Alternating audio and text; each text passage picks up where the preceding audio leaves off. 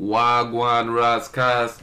Og øh, i dag har vi en gæst i studiet. Vi har simpelthen Jones på besøg, og øh, skal jeg ikke bare gå i gang, Jones? Jo, men lad os da bare køre i gang. Okay. Så får du første spørgsmål her, og det lyder som følgende. Hvordan ser det ud med pædagogikken i børnehaven, når vi snakker mænd kontra kvinder? Når der er overvægt af kvinder og underskud af mænd, hvordan præger det børnene? Hvad, hvad ser du der?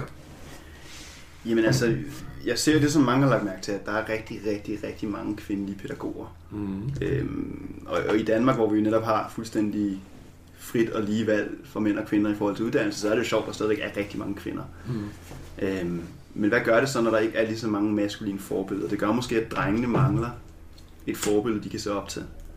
Øhm, jeg kan huske, at min børnehave havde vi kun én mand, og det var Vagn. Ja. Og han sad og røg pibe og holdt øje med børnene. Og alle drengene syntes, han var sej. Man må godt ryge pip, gør. Man var nemlig godt ryge pibe dengang. Pigerne syntes ikke, han var så sej. Han var lidt, ah, det er sur Vagn, ikke? Men Vagn var aldrig sur. Han var bare heller ikke glad. Øhm, men man kan sige, der havde vi trods alt et, øh, et maskulin rollebillede, som vi Mhm. kunne se lidt på. Mm. Øh, men resten var jo kvinder, og det var meget, øh, man kan sige, fordelen er, at det bliver meget omsorgsfuldt. Øhm, men det ender måske også nogle gange med at pakke børnene lidt for meget i vat. Så, så hvad mener du, det gør øh, sådan for os øh, på na- national basis? Har du tænkt på det? Hvis vi Jamen. kun har kvinder, hvad, hvad kan det gøre? Det, det kan jo gøre, at vi kommer ind med en, øh, en lidt mere demaskuliniseret ungdom, som ikke har fået realiseret deres egen maskulinitet. Øhm, og hvor pigerne måske heller ikke har haft et sundt maskulint øh, rollemodel, de kan se op til. Og det, det, det giver jo en, en, en mærkelig dynamik, fordi så ved drengene ikke, hvordan de skal være mænd, og pigerne ved ikke, hvad en mand skal være. Og så ender vi med, med et samfund, hvor at, at vi får en masse ustabile parforhold, hvor uh, med nogle meget ustabile dynamikker, hvor magtbalancen er, er helt underlig. Uh, hvor i stedet for at man er to, så er man 1 plus 1, Ja. hvis det ikke er meningen.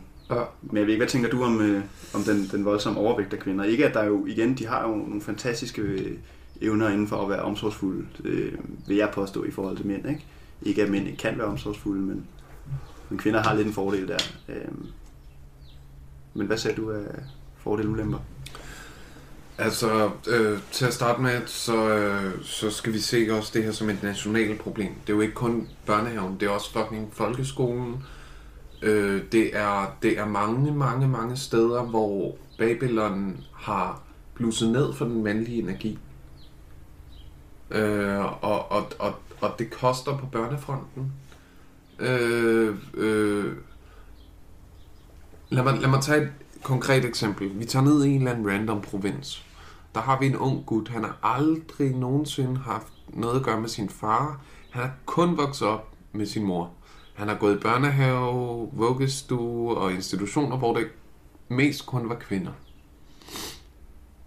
Det spørgsmål, jeg bliver nødt til at stille os, det er, hvor skal han så få den maskuline energi fra? Den, den har en minus på kontoen. Præcis. Og vi skal respektere, at der er forskel på mænd, eller drenge og mænd. Hvad er forskellen på en dreng og en mand? En dreng har minus på kontoen med sine følelser. Han har ikke styr på sine følelser. En mand har lært at få styr på sine følelser. Det er meget, meget vigtigt. Så, så det jeg prøver at sige, det er, at hvis du har en dreng, som kun er vokset op med kvindelig energi, så går han rundt og, og måske har muskler og masser af tatoveringer, men indeni har han følelser som en kvinde. Det er, så, det er så tydeligt for mig at spotte. Altså, jo ældre jeg bliver, jo bedre bliver jeg til at se drenge, der ikke har styr på deres følelser, og drenge, der har. Du ved, rigtig mange grunde siger, at jeg er en mand, du er ikke en skid en mand, hvis ikke du har styr på dine følelser. Mm. Ikke? Og det samme med kvinder også. Der er også mange kvinder, der ikke har styr på deres følelser. Tænk på det. Kvinder, der er udadreagerende. De har, ikke haft en, de har mange gange ikke haft en far til at sætte ned og sige, du er god nok. Når en pige ikke har en far til at sætte ned og sige, hun er god nok, så er der sådan noget, der resonerer længere ud i hendes voksenhed. Så det er et nationalt problem, vi har, og det er faktisk rimelig relevant. Det er lige før, jeg vil sige, at vi skal tage en par to af den her også, fordi det, det er mere end bare børnehaven. Det er Det- det hele. Det er det hele. Altså nu har vi jo begge to øh, været inde i hver vores udgave af den del af studierne også. Du har lidt, lidt til pædagog, og jeg har Mhm. også lidt, lidt til lærer. Mm. Og det, det er jo ikke bare, at man har en overflugt af kvinder. Du har også øh, de teorier, som man bliver undervist i. De, ligger, de, de er meget ude på den ene fløj. Mm. Øh, og det er meget, hvor man skal... Det, det er meget bløde værdier, og det er også... Igen, der er selvfølgelig noget værdi at hente. Mm. Men det går hen og bliver meget drejet over til en side. Mm. Øhm, og bliver faktisk det modsatte igen. Nu har jeg også læse noget økonomi mm. på den helt anden side. Og der kan jeg afsløre, at der er det den helt anden fløj, du bliver presset over i.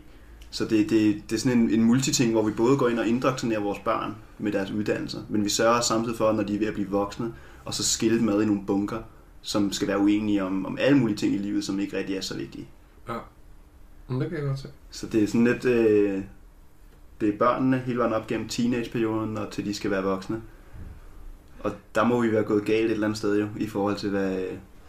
Et spørgsmål, det inspirerer mig til at stille, det er, gad vide, hvordan det præger skilsmisseretten, når børn fra barns ben har en ubalance i deres mandlighed og kvindelighed, når kvinder har, er ude af balance i deres energi, drengene er ude af balance i deres energi, hvad så, når de finder sammen? Hvad så, hvis to, begge to har, har, har, har daddy issues og har problem, hvad så, når de finder sammen? Præger det dem? Det vil, det vil 100% præge dem jo. Altså, og der, der er det måske, at de så vil begynde, fordi de ikke har fået en balanceret øh, opvækst med, med, med ligevægt og energierne, så er det, de begynder at søge de her løsninger, de ser blive præsenteret i tv, eller blive hørt om i musikken, eller hvad det nu er. Ikke? Mm. Og så bliver de sammen i deres forhold, fordi de skal, de skal jo, det er jo det, der er meningen, man skal være. Ikke? Man skal have det her forhold, og så skal vi have nogle børn, og vi skal begge to have en job og uddannelse, og vi skal være stabile, vi skal bare løbe det her hamsterhjul. Og så har vi nogle issues, der kommer til at præge os, men det er lige meget, fordi hvis vi bare fokuserer på at opretholde billedet udadtil, så skal det jo nok gå. Ikke? Ja. Men det skaber så netop, at, at, at konflikterne bliver større, og så ser vi netop skilsmisserne. Og hvem er det, skilsmisserne altid går ud over? Det er børnene. Okay, um, lige, lige for, nu skal vi også til at runde den her. Ja. Hvad hedder det? Grunden til, at jeg nævnte ham der drengen i provinsen, der var en grund til det. Han voksede kun op med sin mor og sin kvindelige energi. Han er ikke rigtig, du ved, mandlig energi er ikke noget, han har mødt. Hvad gør han så, når han bliver lidt større, og han søger mandlig energi, og han søger, så venter gaden på ham. Så venter det der undergrundsliv på ham. Og det er det, vi ikke snakker om. Undergrunden er en samling af rigtig mange dreng. Det, det, det er destruktiv mandlig energi, men det er mandlig energi. Og det sanser ham, drengen, der kun er vokset op med sin mor. Han sanser, hov, der er noget energi, jeg ikke har oplevet før. Der er noget, så han søger gadelivet. Så det samfundet, som samfundet Babylon brygger, parallelt samfund, som en bande er, en bande er en gruppe mennesker, der lever ved siden af samfundet. På siden af, de bygger deres eget samfund.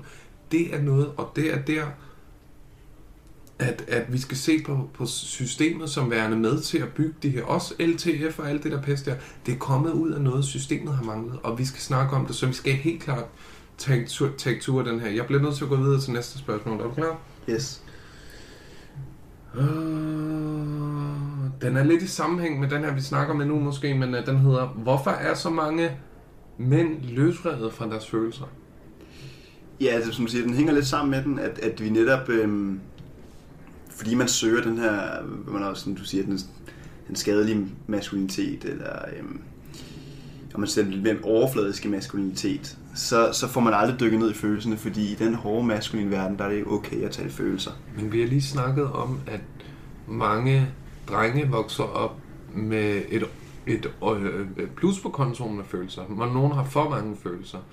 Så Men... nu, nu kommer spørgsmålet, altså, hvorfor, hvorfor de er løsredet fra deres følelser? Fordi følelsen nærmest bliver en... Øh, det bliver lidt en haram, ikke? Altså, så er du en pige, så er du måske ikke en, du er ikke en mand, hvis du har dine følelser. Mm. Altså, hvis du sidder og, og fortæller om din, hvad der måske har gjort dig ked af det, eller hvad der har været hårdt, mm. så er du ikke en mand længere. Mm. Øhm, og det, man kan sige, i kampen mod så ikke at være den der ikke-mand, så er det netop, at, at der er nogen, der så bare løsriver sig fra deres følelser, sådan så at så, så styrer de mig i hvert fald slet ikke, hvis jeg slet ikke konfronterer dem, men det ender så bare med at bygge sig op til noget andet, så sætter det sig som noget stress i kroppen. Øhm, fordi helt klart, så skal en mand, som vi også snakker om, vi skal jo ikke være styret af vores følelser. Men, men der er forskel på at være styret af sine følelser. Og så... Hvad, skal, hvad skal en mand så være styret af, hvis det ikke er hans følelser? Men du skal jo ikke være styret af noget øh, generelt. Du skal være styret af dig selv, jo. Må jeg sige noget?